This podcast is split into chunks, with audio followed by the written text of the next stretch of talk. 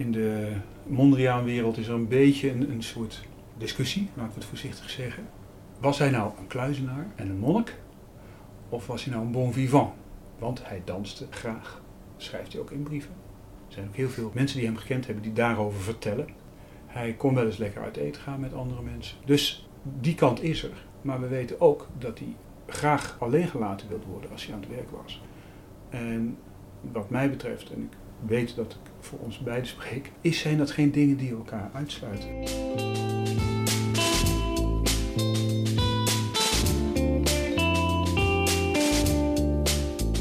Hallo luisteraars, ik ben Eliane en welkom bij alweer een nieuwe aflevering van Kunsthoop. Een podcast waarbij ik in gesprek ga met onderzoekers en conservatoren over kunstwerken uit de rijke collectie van Nederland. Vandaag praat ik met Wietse Koppes, conservator de Stelarchieven bij het RKD, het Nederlands Instituut voor Kunstgeschiedenis, en Leo Jansen, senior onderzoeker bij het Huygens Instituut voor Nederlandse Geschiedenis. Samen werken zij aan het Mondriaan Editieproject, dat als doel heeft om alle brieven en geschriften van Piet Mondriaan online toegankelijk te maken. Welkom Wietse en Leo. Dank je. Deze aflevering valt direct een beetje uit de toon met het concept van de podcast, waarbij ik gasten vraag om een museaal object aan te dragen om het gesprek mee te beginnen. Vandaag gaan wij het hebben over een brief. Maar eigenlijk is dat helemaal zo gek nog niet, want als ik het goed begrijp, zijn een heel aantal brieven van Mondriaan op dit moment te bewonderen in het gemeentemuseum in Den Haag. De brief die jullie mij al eerder toe hebben gestuurd, schreef Mondriaan op 29 januari 1914 vanuit Parijs. Even voor onze luisteraars, wat staat er zoal in deze brief? De brief ehm, is geschreven door Mondriaan inderdaad vanuit Parijs, zoals je al zegt. En het is, het is een reactie op een artikel dat Bremmer, H.P. Bremmer, de brief is aan H.P. Bremmer gestuurd. En Bremmer is de kunstcriticus van Ja. dat moment. Ja, kunstcriticus, kunstpedagoog, groot netwerk, ook van kopers. Dus het was een heel belangrijk contact voor kunstenaars. En voor Mondriaan zeker ook. En hij had ook een tijdschrift, Beeldende Kunst. En in dat tijdschrift had hij iets over Mondriaan gepubliceerd, over een recent schilderij van Mondriaan. En Mondriaan had eh, de behoefte om daarop te reageren op dat artikel. En Mondriaan heeft doorgaans een heel goed beeld bij wie nuttig kan zijn voor zijn carrière ook. Nou ja, Bremmer was zo iemand. En hij wil Bremmer dus graag uitleggen wat hij nou precies bedoelt met zijn kunst. En dat doet hij in deze brief. Ik kan er iets uit eh, citeren misschien. Dat is Dat is wel leuk. nou, Mondriaan schrijft bijvoorbeeld: De natuur, of dat wat ik zie, inspireert mij. Geeft mij, zo goed als elke schilder, de ontroering waardoor de drang ontstaat iets te maken. Maar ik wil de waarheid zo dicht mogelijk benaderen en daarom alles abstraheren tot ik kom tot het fundament, tussen haakjes, altijd nog een uiterlijk fundament, der dingen. Voor mij is het een waarheid dat men door niets bepaalds te willen zeggen, juist het meest bepaalds, de waarheid, die van grote alomvatting is, zegt. Dit slaat heel erg op het werk dat Mondriaan in 1914 maakte, nog steeds wel door de natuur geïnspireerd, of op natuurlijke motieven gebaseerd, maar eh, dusdanig geabstraheerd al dat die eh, natuurlijke ehm, basis eigenlijk amper nog te herkennen is in zijn werk. Want wat voor schilderijen maakte Mondriaan op dit moment? Ik denk dat onze luisteraars hem vooral kennen van de dikke zwarte strepen met de gekleurde, in primaire kleuren vlakken. Daar is hij op dit moment nog niet aan toe. Is nu eh, 1914 en dan is hij in een tussenstadium, dat is nog ongeveer nou, een jaar of zes, vijf, zes weg. Maar hij heeft het cubisme een paar jaar van tevoren gezien in Parijs, Picasso en Braque. En doordat hij die zag, begreep hij ineens, wacht even, dat is, dat is de weg die de kunst op moet. Kunst kan niet iets wat we zien namaken, want het is, dat is, het is iets anders. Er is sowieso al twee, eventjes over schilderijen gesproken. Je hebt sowieso over twee dimensies. Je kunt object, je kunt allerlei trucs toepassen. Maar we kunnen het niet in zijn geheel op het platte vlak krijgen. En Picasso en Braque die zijn begonnen met dat idee op het doek ook te laten zien. Namelijk, je kunt dingen die drie dimensies hebben, die kun je op meerdere manieren zien. Dus daardoor kreeg je figuren met twee neuzen vanuit een verschillende hoek gezien. En eh, nou, stillevens van, van, van kannen en kranten en gitaren en noem maar op. Waarbij die gitaren en die kranten en die andere dingen allemaal op meerdere manieren tegelijk in beeld waren. En Mondriaan begreep, zij hebben in de gaten dat je als je bij de essentie van dingen wilt komen, niet moet proberen om ze na te maken op het plat vlak. Want dat kan niet. maar juist dieper door te dringen in die dingen die, ja, die dat wel weer kunnen geven. En daar is hij in deze fase naar op weg. En dat, daar schrijft hij dus ook verderop in die brief over. Hij heeft dus, uh, met, hij, hij zegt hier dat hij met een horizontale en verticale lijn en zo nodig aangevuld door andere richtinglijnen of gebogen lijnen, wil komen tot een kunstwerk even sterk als waar. Dus het gaat niet om wat je ziet, maar waar dat wat je ziet uit is opgebouwd. Die elementen, kleuren en lijnen, die gaat hij gebruiken om dichter bij de essentie van de dingen te komen. Dus zoals hij in die brief schrijft, hij is op zoek naar een waarheid. Ja, een, waarheid, een diepere kern van de dingen, het wezen van de dingen. En dat is schoonheid. Waarheid is schoonheid bij Mondriaan. Zo probeert hij nog essentiëler weer te geven wat de schoonheid van het bestaan is. Wat is er dan zo bijzonder aan deze brief specifiek? Schreef hij veel over dit onderwerp naar mensen? Hij heeft heel veel brieven geschreven, misschien even voor, voor het beeld. We kennen ongeveer 16 à 1700 brieven van Mondriaan. En die zijn vaak behoorlijk concreet. Hij schrijft over de dingen die aan de hand zijn, die spelen, waar die, die moeten regelen. Maar eh, dat hij zo uitvoerig zijn programma, zijn artistieke programma op papier zet, dat is vrij uitzonderlijk. Dat, dat komt natuurlijk in fragmenten wel eens her en der terug. Maar zoals het hier staat, is het wel heel erg uh, compact. En het is eigenlijk de basis van zijn hele denken vanaf dat moment. Dus dat maakt deze brief wel heel apart. Ja, hij gaat echt dieper in op de kern van zijn werk. En dat doet hij maar in, in weinig brieven. Zoals Leo zegt, in veel brieven is hij veel praktischer eigenlijk. En dat combineert hij ook weer in deze brief, want hij sluit weer af aan Bremmer van... Goh, als u nog iemand weet die werk van mij wil kopen, dan uh, heel graag. En dat noemt hij, benoemt hij ook echt zo. Een praktische vrijpostigheid noemt hij het omdat de kwestie om te leven nu eenmaal een grote hoofdzaak is. Dus hij moet wel kunnen verkopen, wil hij kunnen leven van zijn kunst. Hij geeft bijvoorbeeld ook het adres van iemand die werk van hem in bewaring heeft in Nederland. Daar kan het opgehaald worden. Als het, precies, daar kan Bremmer gaan kijken. En als het hem bevalt, dan kan hij het meteen meenemen. Dus dat is eigenlijk de kern van heel veel brieven van Mondriaan. Namelijk gewoon heel praktisch. Maar hier gaat hij ook echt in op nou ja, het programma. Waarom maakt die kunst? En wat, wil die, wat bedoelt hij met zijn kunst? En was het een beetje een slimme verkoper of uh, een uh, gehaaide marketeer van zijn eigen werk? Ik weet niet of ik hem een gehaaide marketeer zou willen noemen. Maar ik denk wel dat, dat hij tot nu toe erg onderschat wordt daarin. Er wordt vaak over hem geschreven alsof hij een, uh, ja, een, een vrij steile man was die zich opsloot in zijn atelier om daar nou ja, lijntjes op een doek te trekken om het wat negatief uh, te, te zeggen. Half contact maar, gestoord. Ja. is een beetje een beeld dat heerst. Maar ik denk dat deze brief juist ook de slimmigheid van Mondriaan bewijst. Namelijk, Bremmer schrijft een artikel over hem en hij haakt daar meteen op aan door Bremmer van een antwoord te voorzien. Door uit te leggen wat zijn kunst eigenlijk precies behelst. En door ook te zeggen van, nou, u kunt ook werk van mij kopen. Dus hij heeft heel goed door dat Bremmer voor zijn carrière een belangrijk figuur kan zijn. En ik denk dat dat echt een onderbelicht aspect is dat in de brieven uh, heel sterk naar voren komt ook.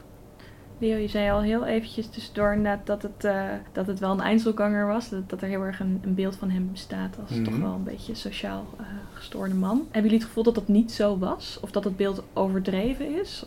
Nou, in de Mondriaan-wereld is er een beetje een, een soort discussie, laten we het voorzichtig zeggen. Was hij nou een kluizenaar en een monnik? Of was hij nou een bon vivant? Want hij danste graag, schrijft hij ook in brieven. Er zijn ook heel veel mensen die hem gekend hebben die daarover vertellen. Hij kon wel eens lekker uit eten gaan met andere mensen. Dus die kant is er. Maar we weten ook dat hij graag alleen gelaten wilde worden als hij aan het werk was. En wat mij betreft, en ik weet dat ik voor ons beiden spreek, is zijn dat geen dingen die elkaar uitsluiten. Hij wilde graag heel geconcentreerd werken. En daarna en daarnaast wilde hij ontspannen. En wilde hij sociaal zijn. Hij had heel veel vrienden. Nou, ik vertelde al 1700 brieven. Die zijn niet aan één persoon gericht. om een vergelijking met Van te maken. Daar hebben we 800 brieven van. Waarvan twee derde aan zijn broer gericht is. Dat kwam omdat Van niet meer mensen had. We hebben ver over de 100 correspondenten van Mondriaan. En er zijn er meer geweest, dat weten we. Want hij vernietigt dus een correspondentie, dus er is heel veel weggegooid. Dus hij kende heel veel mensen. Hij was een man die in de wereld stond en heel goed wist uh, wat er te koop was. En die ook behoefte had. Zoals hij ook schrijft in andere brieven. Hè, ik heb ook behoefte om, om, om in het leven te staan. En op het ene moment, als er concentratie nodig was, dan wilde hij zich afzonderen in zijn atelier. En op andere momenten was hij onder de mensen. En dat beeld van en-en lijkt mij eh, gewoon het meest passend bij Mondriaan. Ik zie dat ook wel echt als een heel belangrijk uh, deelresultaat van waar wij mee bezig zijn. Een biografie, ja, daar ben je afhankelijk min of meer van de biograaf die het materiaal leest en dan daaruit haalt wat in zijn verhaal, in die context van belang is. Wij presenteren al die bronnen zoals ze zijn. Iedereen kan straks alle bewaard gebleven brieven van Mondriaan lezen. En dan zelf ook zijn eigen beeld van Mondriaan bepalen. In plaats van dat je afhankelijk bent van, van het filter van een biograaf. Maar wel een beetje het filter van Mondriaan. Want er werd net al even gezegd dat er veel meer brieven zijn geweest. Wat is er met die brieven gebeurd? Die zijn vernietigd? Die zijn vernietigd. Het is eh, heel simpel zo dat Mondriaan vond uh, correspondentie iets persoonlijks. En hij bewaarde brieven tot hij ze beantwoord had. En dan gingen ze de, de prullenbak in. En hoe komt het dan dat de brieven die er nu zijn wel bewaard zijn? Dus komen die uit andere, dus niet uit het huis van Mondriaan? Dat zijn de brieven die ontvangen zijn door de anderen en die door toeval of bewust, dat, is, dat kan van alles zijn, uh, bewaard zijn gebleven door de ontvangers. Brieven die bij Mondriaan terecht zijn, die hij ontvangen heeft, kennen we er enkele tientallen. En dat is puur toeval. En uh, daar is natuurlijk voor een deel ook bij wat, wat in zijn laadje lag toen hij overleed. Dus dat is heel beperkt op het totaal. En dat was echt een principezaak voor Mondriaan. En dat is niet ongebruikelijk. In de eerste plaats werd correspondentie in die tijd als iets heel persoonlijks ervaren. En er zijn meerdere opmerkingen, ook in de correspondentie van Mondriaan, die zoiets zeggen als, maar daar praten we nog wel eens over. Maar dat kunnen we, kan ik maar beter niet opschrijven. Het zijn heel gebruikelijke uitdrukkingen in die, in die periode, omdat inderdaad het kon anderen onder ogen komen. En bovendien, zoals wij het sms'en en appen, dat bestond allemaal niet. Ze moesten alles papier doen. Er werd ook nog niet getelefoneerd op die, op die brede schaal. Dus er werd ongelooflijk veel gecorrespondeerd. Dus als je een mens was die in de maatschappij stond en contacten had, dan had je bergen papier. En dat is allemaal ballast. Dus ook om praktische redenen uh, werd dat vaak uh, gewoon vernietigd. Ja, moet je je voorstellen dat je al je. Dat maar als Mondriaan het zo persoonlijk vindt, is het dan niet ook heel gek om die, om die brieven nu decennia later door te nemen? Ik, ja, ik zeg wel eens, Mondriaan die zou in zijn uh, graf omdraaien als die wist waar wij mee bezig waren. Want het was niet zijn bedoeling dat zijn brieven gepubliceerd zouden worden.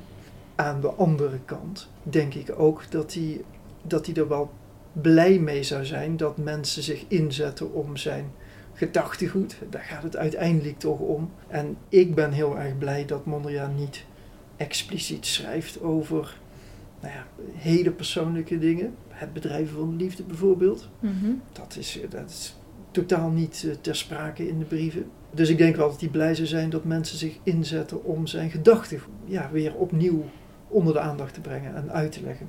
Maar daar zou hij zelf tegen inbrengen daar moet je niet voor bij mijn correspondentie zijn. Daarvoor moet je bij mijn artikelen zijn. Want ik heb tientallen artikelen in alle talen geschreven. Waarin ik mijn ideeën eh, op papier heb gezet. En, maar die horen ook bij het Mondriaan Editieproject? Ja, wij proberen om uh, nou, ongeveer 75 artikelen.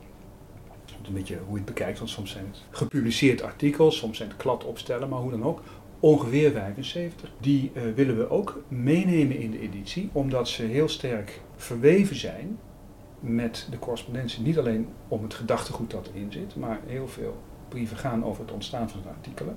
Nou, dan is het alleen maar makkelijk en natuurlijk om het artikel erbij te hebben waar het over gaat. En omgekeerd, als je die artikelen wil uitgeven apart, dan zou je, tenminste op onze manier, op een wetenschappelijke manier, dan zou je ook de ontstaansgeschiedenis van die artikelen publiceren. En die staat in die brieven. Dus dan heb je die brief toch weer nodig. Dus dit, dit, niks is uh, logischer. Dan, dus het ondersteunt eigenlijk precies, ook. Ja, ja, En in een brief zoals we die hier net hebben voorgelezen, zie je ook dat er inhoudelijk heel directe verbanden zijn. En die kun je dan ook aanwijzen. Zeker omdat we digitaal gaan publiceren. Dus dan kun je proberen om, om tools te ontwikkelen die die verbanden tussen teksten makkelijk kunnen aanwijzen. Zodat mensen kunnen zien welke stappen Mondriaan in de loop der jaren in zijn ideeontwikkeling heeft gezet.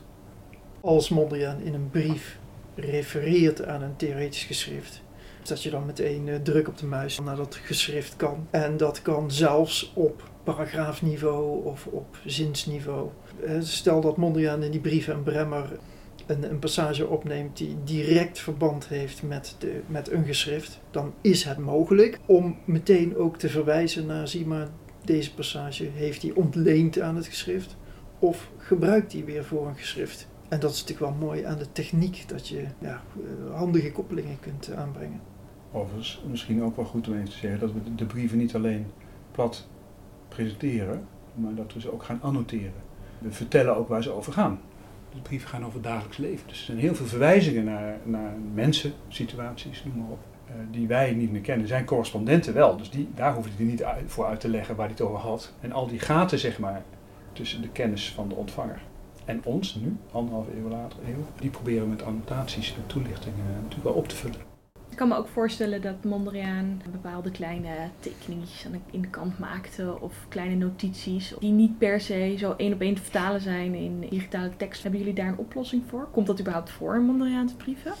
Ja, Mondriaan heeft heel weinig tekeningen, schetsjes gemaakt in zijn brieven. Dus dat is voor ons een probleem dat zich wel voordoet, maar eigenlijk op heel beperkte schaal. Wat een voordeel is, uh, Leo heeft eerder aan de brieven van Van Gogh gewerkt. En Van Gogh heeft natuurlijk zijn brieven uitvoerig geïllustreerd. Maar doordat wij het facsimile presenteren, heb je altijd ook de tekening erbij zitten, als hij een tekeningetje heeft gemaakt. En wat Mondriaan heel veel heeft gedaan, is in de schrijffase um, nou ja, dat hij bijvoorbeeld een zinnetje vergeet, zoals we dat allemaal doen. En dat inderdaad in de kantlijn nog uh, erin kriebelt. En dan met een kruisje aangeeft van wat ik hier in de kantlijn heb geschreven, hoort hier in de brief. Ja, dat zijn allemaal dingen die wij voor de gebruiker proberen op te lossen. Dus de tekst in de kantlijn wordt getranscribeerd en kun je of laten zien op de plek waar het staat fysiek, of op de plek waar het hoort te staan. Dus de brief, zoals die hem bedoeld heeft, die proberen we als editeurs uh, weer te geven voor de gebruiker. Maar daar gaan we niet bij op de stoel zitten van. Dus als wij het niet weten, we gaan niet zeggen, uh, er zijn vier opties dit is het. Er staat iets in de marge, uh, ja, waar hoort dat nou eigenlijk bij? Dan gaan we niet zeggen, nou, zonder meer, dat zetten we er gewoon tussen. Nee, dan zeggen we, we zetten het hier, omdat we die en die argumenten hebben. Andere opties zouden die en die zijn. Hè? Dus controleerbaarheid, die is voor ons eigenlijk eh, heel erg belangrijk. We verantwoorden hoe we werken, uh, hoe we die transcripties maken, welke dingen in het handschrift we wel en niet overnemen in onze tekstversie. Waarom we soms misschien Mondriaan verbeteren. En dat is allemaal na te gaan, zodat wat wij doen controleerbaar is voor de gebruiker. En die kan daar dus ook anders over denken. Als wij zeggen, we gaan alle spelfouten verbeteren, dat zullen we niet gaan doen, maar stel hè. En je kan het ook omdraaien. We zeggen, wij gaan niet alle spelfouten verbeteren. Dat is toch wel duidelijk. Dan krijg je dus een hele hoop fouten. En wij denken dat dat kan. Maar omdat we het hebben uitgelegd, kan iemand anders begrijpen waarom er zoveel fouten in staan. Die kan vervolgens denken en vinden, nou, ik vind eigenlijk dat ze dat hadden moeten verbeteren. Oké, dat is een standpunt, maar wij hebben het wel uitgelegd. wel Jullie willen bij de essentie van die brief blijven. Ja, in, dit voorbeeld. Natuurlijke ja, vorm. Ja. Mondriaan schreef in Nederlands, Frans en Engels. We gaan alle teksten in hun brontaal publiceren, plus Engelse vertaling.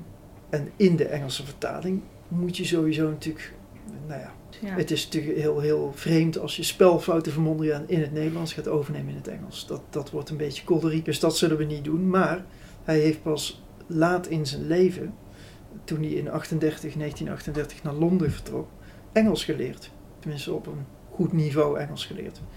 Dus zijn Engels hapert aan alle kanten.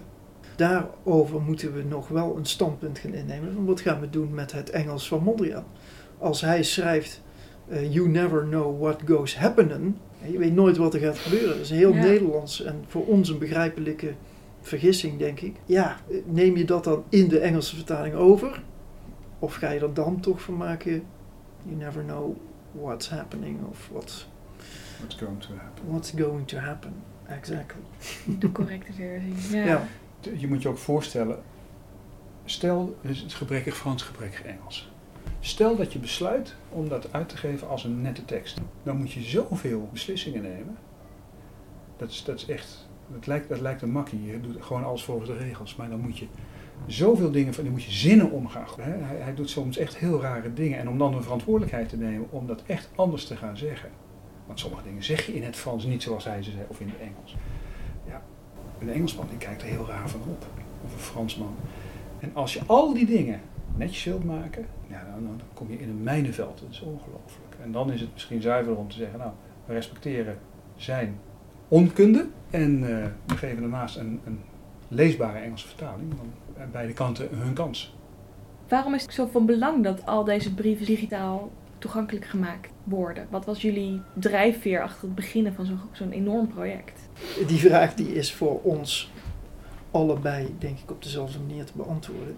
Mondriaan is, um, ja, is een van de belangrijkste, misschien wel de belangrijkste kunstenaar van Nederland in de 20e eeuw. En heeft ook aan de basis gestaan van een ontwikkeling in de kunst, van naturalisme naar abstractie, die ja, natuurlijk een ongelooflijke impact heeft gehad. Je zou zo'n project niet ondernemen voor willekeurig welke kunstenaar, denk ik. Het kost veel tijd. En dus uiteindelijk ook een hoop geld om zo'n project te starten en te voltooien. Maar Mondriaan is wel bij uitstek een van die kunstenaars waarvoor je dit wil doen. En wij vinden de ideeën van Mondriaan ook heel relevant, nog steeds. En, en dat zijn de drijfveer. Het is ook een soort ja, idealisme ergens. Je vindt het gewoon zo belangrijk dat je de rest van de wereld hier deelgenoot van wil maken. En wij hebben, doordat we hier werken, het voordeel dat we goed toegang hebben tot die bronnen. Maar voor anderen is het heel erg lastig op dit moment.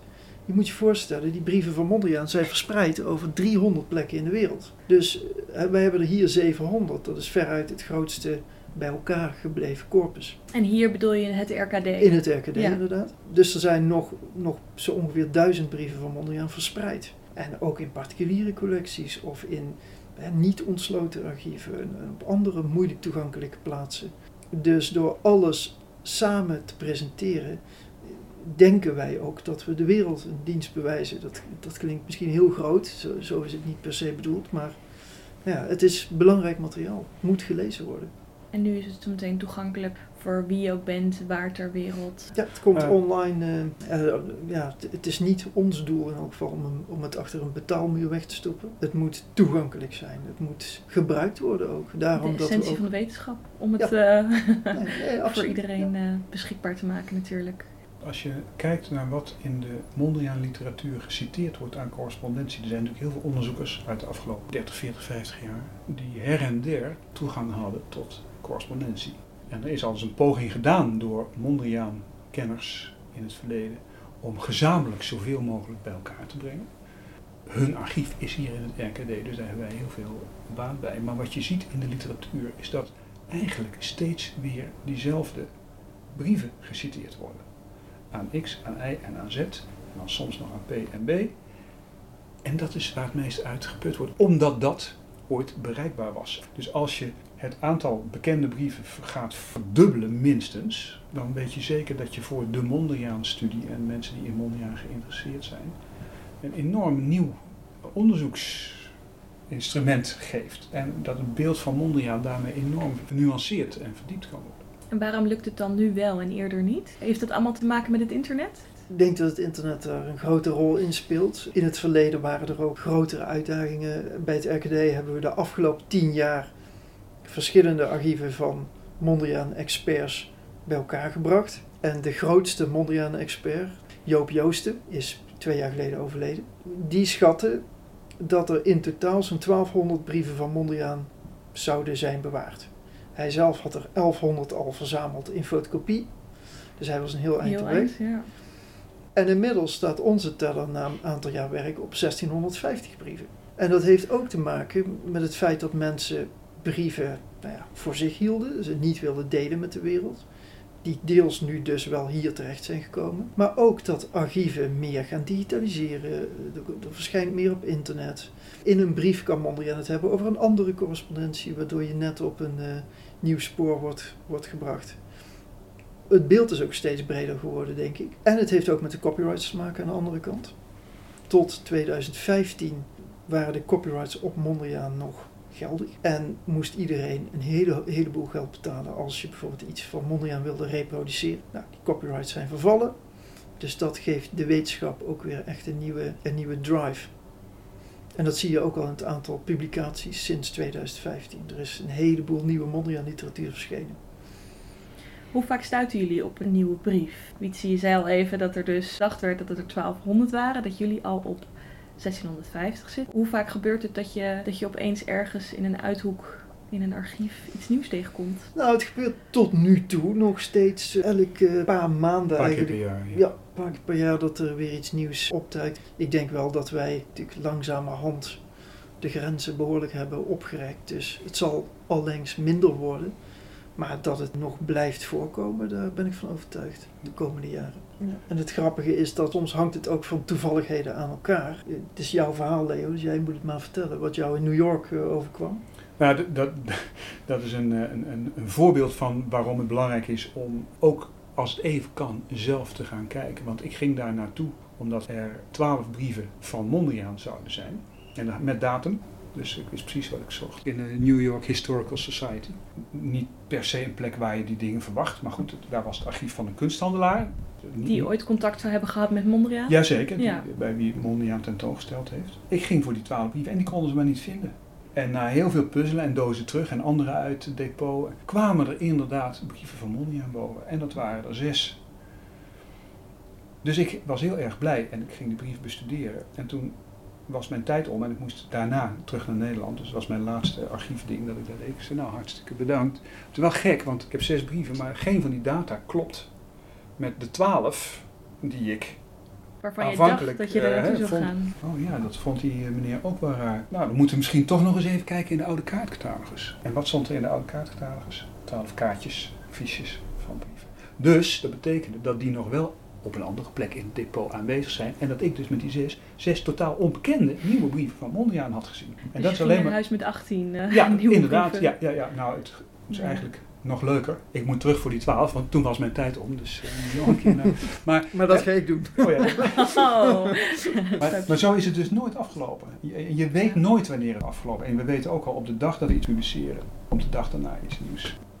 Jullie lezen al die brieven en jullie komen al zijn gedachten tegen over zijn werk, maar ook persoonlijk. Zijn er hele rare of bijzondere of bizarre dingen die jullie zijn tegengekomen waar je echt van stond te kijken?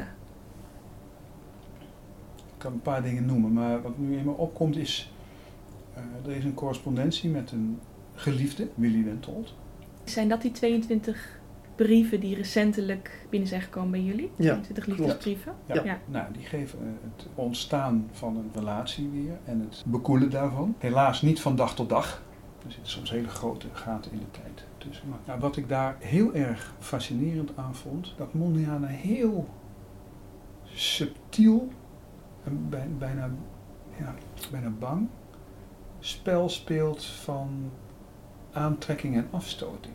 Hij voelt duidelijk voor Willy, maar hij vindt het toch ook lastig als ze te dicht in de buurt komt. Hij wil een relatie met haar, maar als hij dan vooral er weer bij stilstaat dat dat ook een soort conformering van hem is, dan gaat hij er toch weer een beetje op afstand houden. Een soort bindingsangst of zo leek er wel uit te blijken. En dat vond ik wel heel erg. Maar dan kijk je wel heel erg diep in iemand zijn, eh, in iemand zijn ziel, vind ik. Ja, en, en over die brieven gesproken, hij, hij benadert de liefde eigenlijk heel erg op de manier waarop hij ook zijn kunst en de hele maatschappij benadert. De elementen van zijn kunst moeten in balans zijn, horizontaal, verticaal, primaire kleuren met wit, zwart en grijs. En bij de liefde schrijft hij ook aan Willy Wendrold een goede relatie tussen man en vrouw betekent dat je elkaar in balans houdt. Dus waar de een te veel van heeft, wordt door de ander gecompenseerd. Zijn kunst en zijn, ja, zijn wereldbeeld zijn eigenlijk, en dus ook zijn liefdesbeeld, zijn niet los van elkaar te zien. En dat vind ik wel heel pregnant en ja, ook mooi eraan. Het was gewoon een, een soort totaal principe, een, een bepaalde beleving van de wereld. Ja. Een levensvisie waar alles onder viel. Maatschappij, kunst, privéleven. En daar was hij heel erg consequent in. Er zijn wel eens mensen die vinden Mondriaan monomaan of zo. En dat, dat kun je best op een kritische manier Maar je kan ook bewonderen hoe hij consequent op een bepaalde manier geleefd heeft. En alles in zijn leven volgens dat plan en volgens die ideeën heeft willen uitvoeren. En dat lukte soms beter dan anders. Met vrouwen is dat dus niet gelukt. Maar uh, het, is, het is eigenlijk wel heel bewonderenswaardig hoe hij consequent trouw is gebleven aan zijn visie. En ook weinig conformistisch daaraan is geweest. Ja, ook als, als zoiets als een huwelijk of een relatie niet lukte, dan. Ik heb niet het idee tot nu toe dat, dat hij daardoor een ander mens is geworden. Hij, hij bleef al vasthouden aan zijn wereldbeeld. En daar zat, ja, zeker als je naar zijn kunst kijkt, wel een zekere ontwikkeling in. Dat vond hij zelf ook. Maar tegelijk een heel duidelijk idee. Een overtuiging. Het was een overtuiging inderdaad. Dat is het juiste woord, denk ik. Dus eh, het is niet dat hij het niet wilde of niet kon, maar hij vond, hij was echt heel erg vast ervan overtuigd dat het op een bepaalde manier zou gaan, moest gaan in het leven. En als je bijvoorbeeld zijn brieven rondom de Tweede Wereldoorlog leest, dan zit daar ook heel erg de overtuiging in dat het goede over het kwade overwint. En soms als je die brieven leest, dan kun je het, ja, dan lijkt het iets naïverigs te hebben. Maar dat is het niet in Mondriaans denken. Want hij wist 100% zeker dat het goede altijd over het kwade overwint, de bovenhand heeft. En dat is, ja, dat is iets waar ik, nou, waar ik zelf ook heel erg uh, van heb geleerd eigenlijk. Dus je gaat zelf ook anders naar de wereld kijken als je. Je leert zoveel, van Mondriaan ja. als je zoveel van hem leest. Ja, absoluut. Ja, ik wel althans. Dat lijkt me een interessante gedachte om deze podcast mee af te sluiten. Ik dank jullie allemaal voor het luisteren naar deze aflevering over het Mondriaan Editieproject. Wil je meer weten over het project? Ga dan naar www.mondrianpapers.org. En wil je graag op de hoogte blijven van deze podcast? Abonneer je dan op Kunsthoop. Dat kan via het kanaal waarop je deze podcast hebt beluisterd. Wietse en Leo, ik wil jullie hartelijk danken voor jullie bijdrage. Ook Edo Storm bedankt voor de muziek in deze aflevering. Ik ben Eliane Odding en graag